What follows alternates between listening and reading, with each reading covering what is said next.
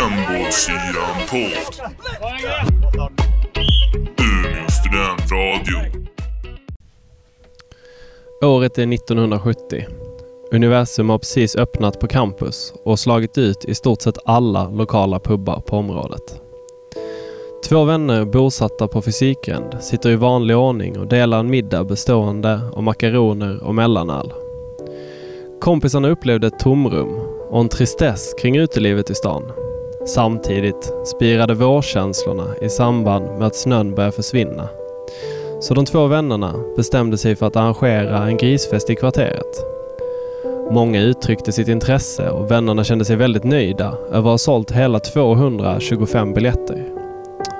Att ha 225 personer till att grilla på innergården är något av en logistisk mardröm och man kan bara anta att vännerna spenderade timtal av planering, inköp och förberedelser. Kvällen för grisfesten kom och vännerna står vid grillen. Men det är inte 225 personer som kommer.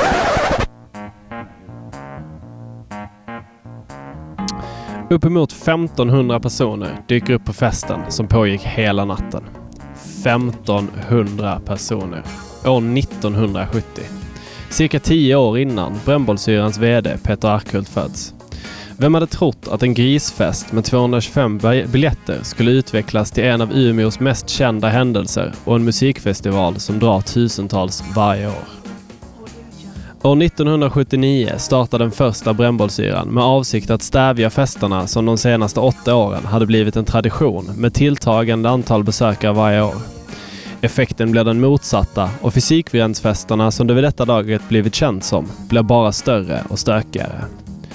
Polis, kommun och fastighetsägare är mindre roade och kämpar kriget mot fysikgränsfesterna på dubbla fronter. Både genom att lägga officiella evenemang under den ökända helgen och genom att pol öka polisnärvaron på Fysikgränd. Situationen kulminerar vid år 2000 när man hängnar in området kring Fysikgränd och bara låter behöriga passera in och ut.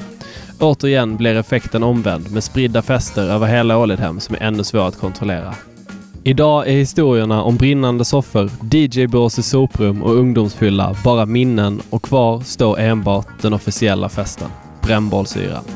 Vi välkomnar er härmed till USRs Brännbollsyran-podd. Jajamensan, och jag heter Alvin Persson. Gustav, Och Max. vi önskar välkomna till våran podcast. Vad ska vi prata om idag? Ja, idag så ska vi väl... Eh, Stanna lite på ämnet från introt och prata om historien och bakgrunden till brännbollsyran. stämmer bra det och sen kanske förklara lite grann vad de kommande tre avsnitten ska handla om. För det här är ju en, eh, en poddserie i fyra delar som vi kommer eh, släppa nu inför brännbollsyran. Ja, få upp lite hype. Det kommer bli riktigt nice yra tror jag. Det tror jag med. Men eh, jag tycker det är rätt intressant nu när vi har suttit och gjort researchen till brännbollsyran och hur det uppstod. Mm. Framförallt det här med hur kommunen försöker döda en fest med att eh, skapa en annan fest. Ja, precis. Det, ja, fysikgränsfesterna är ju tyvärr innan vår tid och känns som ett utdött faktum. Ja, på ett sätt kan man väl säga att den här beryktade Twisterfesten nästan eh, tog väl över stafettpinnen sådär ett par år senare efter att det har legat på hal is ett litet tag, eller på is ett litet tag. Men intrycket man får är ju att det, det är ett, en roll Twisterfesten inte kan fylla då, att det är tusentals människor och eh, DJ-bås i soprum. Och brinnande möbler överallt. Ja. Vilket nog bostaden är väldigt glada för. Ja det kan jag tänka mig. Nu är det Baltikgruppen så det är deras problem. Elda Men de Baltikgruppens eh, möbler. lånar Baltikgruppen ens ut möbler? Det kanske Nej, de gör? ja, jo. Jo. om du har de här små 16 Ja, kvadraterna. okej, ja. Tänd eld på dem då. Fan, skärp er. Ja men det är, alltså fysikgränsfesterna verkar ju ha varit ett totalt jäkla mayhem. Det pratas om badkar som lyftes ut ur lägenheten och sattes upp på taket och folk satt och badade badkar på taket. Det var glassplitter och eh, totalt jävla mayhem. Det var en annan tid. Mm. Det coolaste som hänt på Twisterfesten var väl att någon trillade från taket. Ja.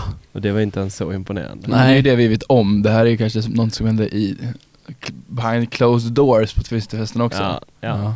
ja men tillbaka till brännbollsserien. Klart intressant. Kanske Sveriges mest på frammarsch festival just nu. Kan man säga Det det? tror jag nog. Ja. Den känns ju definitivt som den som känns minst eh, på dekis. Mm, för det känns ju som många av de stora har ju framförallt de senaste åren, nu snackar vi ju nästan fem sex år tillbaka, har ju verkligen bara gått ut för men det känns som brännbollsyran bara ökar sålda biljetter varje år. Ja, verkligen. Och drar åt sig större och större och bättre och bättre artister. Mm.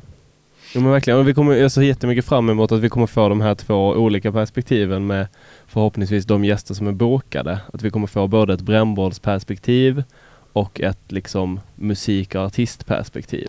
Ja, precis. För man ska ju inte glömma det att brännbollsyran, som namnet kanske Är ju- hintar om lite Precis, det är ju faktiskt till och med kvali- alltså det är liksom erkänt som VM i brännboll. Ja, Det, och har varit det nu ganska många år. precis. Det är rätt coolt. Ja. Men... eh, när Vi vi kanske kan fråga ifall eh, idrott och alkohol verkligen är förenligt. Ja, Det var ju en stor debatt om det förra året kring det här med när de sålde sådana um, alkoholisglassar. Ja. Då, då ville de ju, det var väl något sånt nykterhetsförbund som Mm. krävde att eh, yran skulle torrläggas. Dålig idé. Ja. Men Yran som festival, hur är den? Alltså, är det ju mer en stadsfestival än kanske vad då Emmaboda eller Hultsfred var?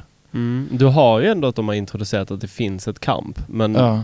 ja, ni har ju inte varit där men jag var där förra året och det kändes som för min del var det ju mycket studenter. Ja. Och liksom Alltså den här lite summerburstiga grejen. Jo, precis. Fast då med blandade roliga artister istället för bara torra platta artister som Summerburst. Och det är väl en av grejerna just att det ligger på campus och i områdena där studenterna bor. Det är ju Det är ju som gjort för att studenter ska hänga kvar lite grann och nära hem.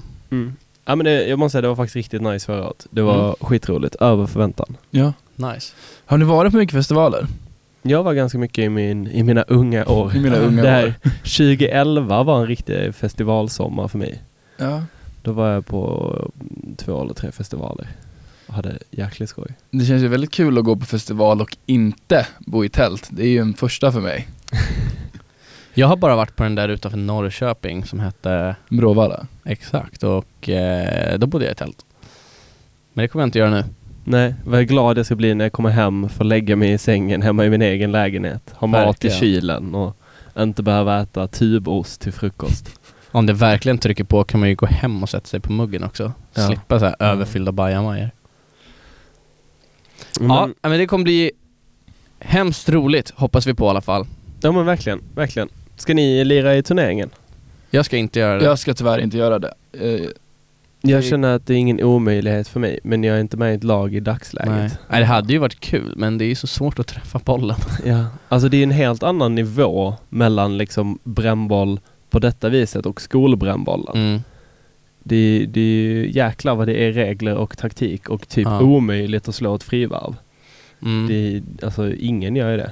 Men det är, det är bara händer, det, är, det finns inga handskar på brännboll. Nej, inga handskar. Nej. Det känns ju som ett, att det känns som ett hån i sig att någon har kommit på att man ska tävla i brännboll. Jag trodde det var sånt man var tvungen att göra på gympan.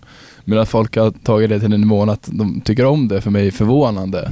Eh, Men alltså därifrån jag står och stampar är inte jag kanske den som följer sport som mest. Men jag tycker det ska bli otroligt roligt att se för första gången i mitt liv competitive brännboll, alltså säger man så? Tävlingsinriktad Mm, mm, brännboll utan... Det var ganska roligt att se finalen faktiskt. Jag är nog Ja. nästan lika taggad på brännbollen som jag är på artisterna. Och det Ja. säger ju ganska mycket, för artisterna är ju Det är ju bra Bra. artister som kommer. verkligen Har ni någon ni håller högre än någon annan? Snövit. Han ska väl köra på dagen tror jag. Eh, jag vet inte. Jag, jag tycker det ska bli kul att se Miriam Bryant. Mm, samma. Ja. Det och Salvatore Ganacci Mm. är de som jag nog håller högst. Eh, Och Lindros är alltid också. Ja, eh, Oskar Lindros kommer bli otroligt att se. Eh, Sen så har jag faktiskt inga förväntningar alls, vilket är en ganska bra ingångspunkt faktiskt, för då kan man inte bli så besviken. Men jag Salva- tror att det är ju en ganska bra typ av artister för de som inte riktigt... Även om du inte är ett stort fan så är det ganska bra musik. Så här, tjuvjakt, lättsmält rap. Mm. Alla kan ha, digga med och ha ganska kul till det. Ja, men det måste man ändå ge de som bokar artisterna, att det är en väldig bredd. Och det ser jag Ja. fram emot att fråga lite när vi för, förhoppningsvis får hit eh, David Arkhult. Mm. Snacka med honom lite hur de tänker just kring det här med bredden. Istället för, för annars är det ju ganska mycket smala sådana här stadsfestivaler. Mm. Eh, typ Summerburst.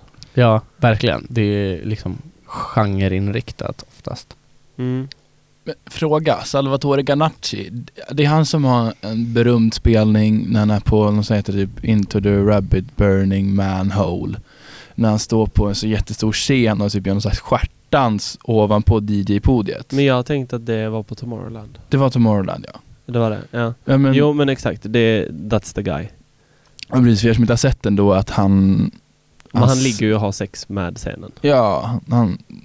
Och visar rumpan och står på händer. Det verkar ju vara väldigt mycket show i alla fall så det, det kan ju Mm. vara någonting att se fram emot. Men eh, man borde ju kika hans musikvideo till låten Horse.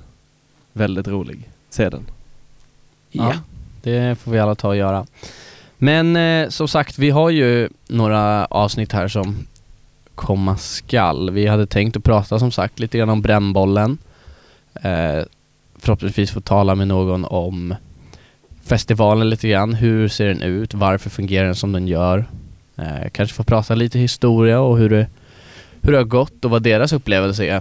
Mm, jag är också väldigt nyfiken på att höra hur de ställer sig till liksom fysikgränsfest bakgrunden. Verkligen. Om det är någonting som de tyckte var kast eller om Mm. det bara var att kommunen spelade dem rakt i händerna.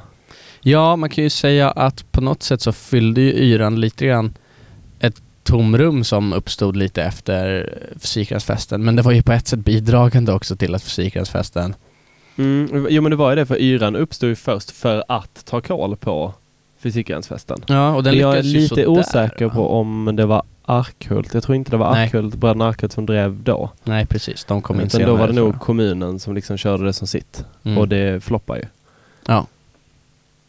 Ja, men jag ser fram emot att få spendera tid med er här i studion och snacka brännboll framöver. Så det tror jag kommer bli riktigt nice. ja, det kommer bli skitkul. Och jag ser fram emot att växa med er lyssnare också.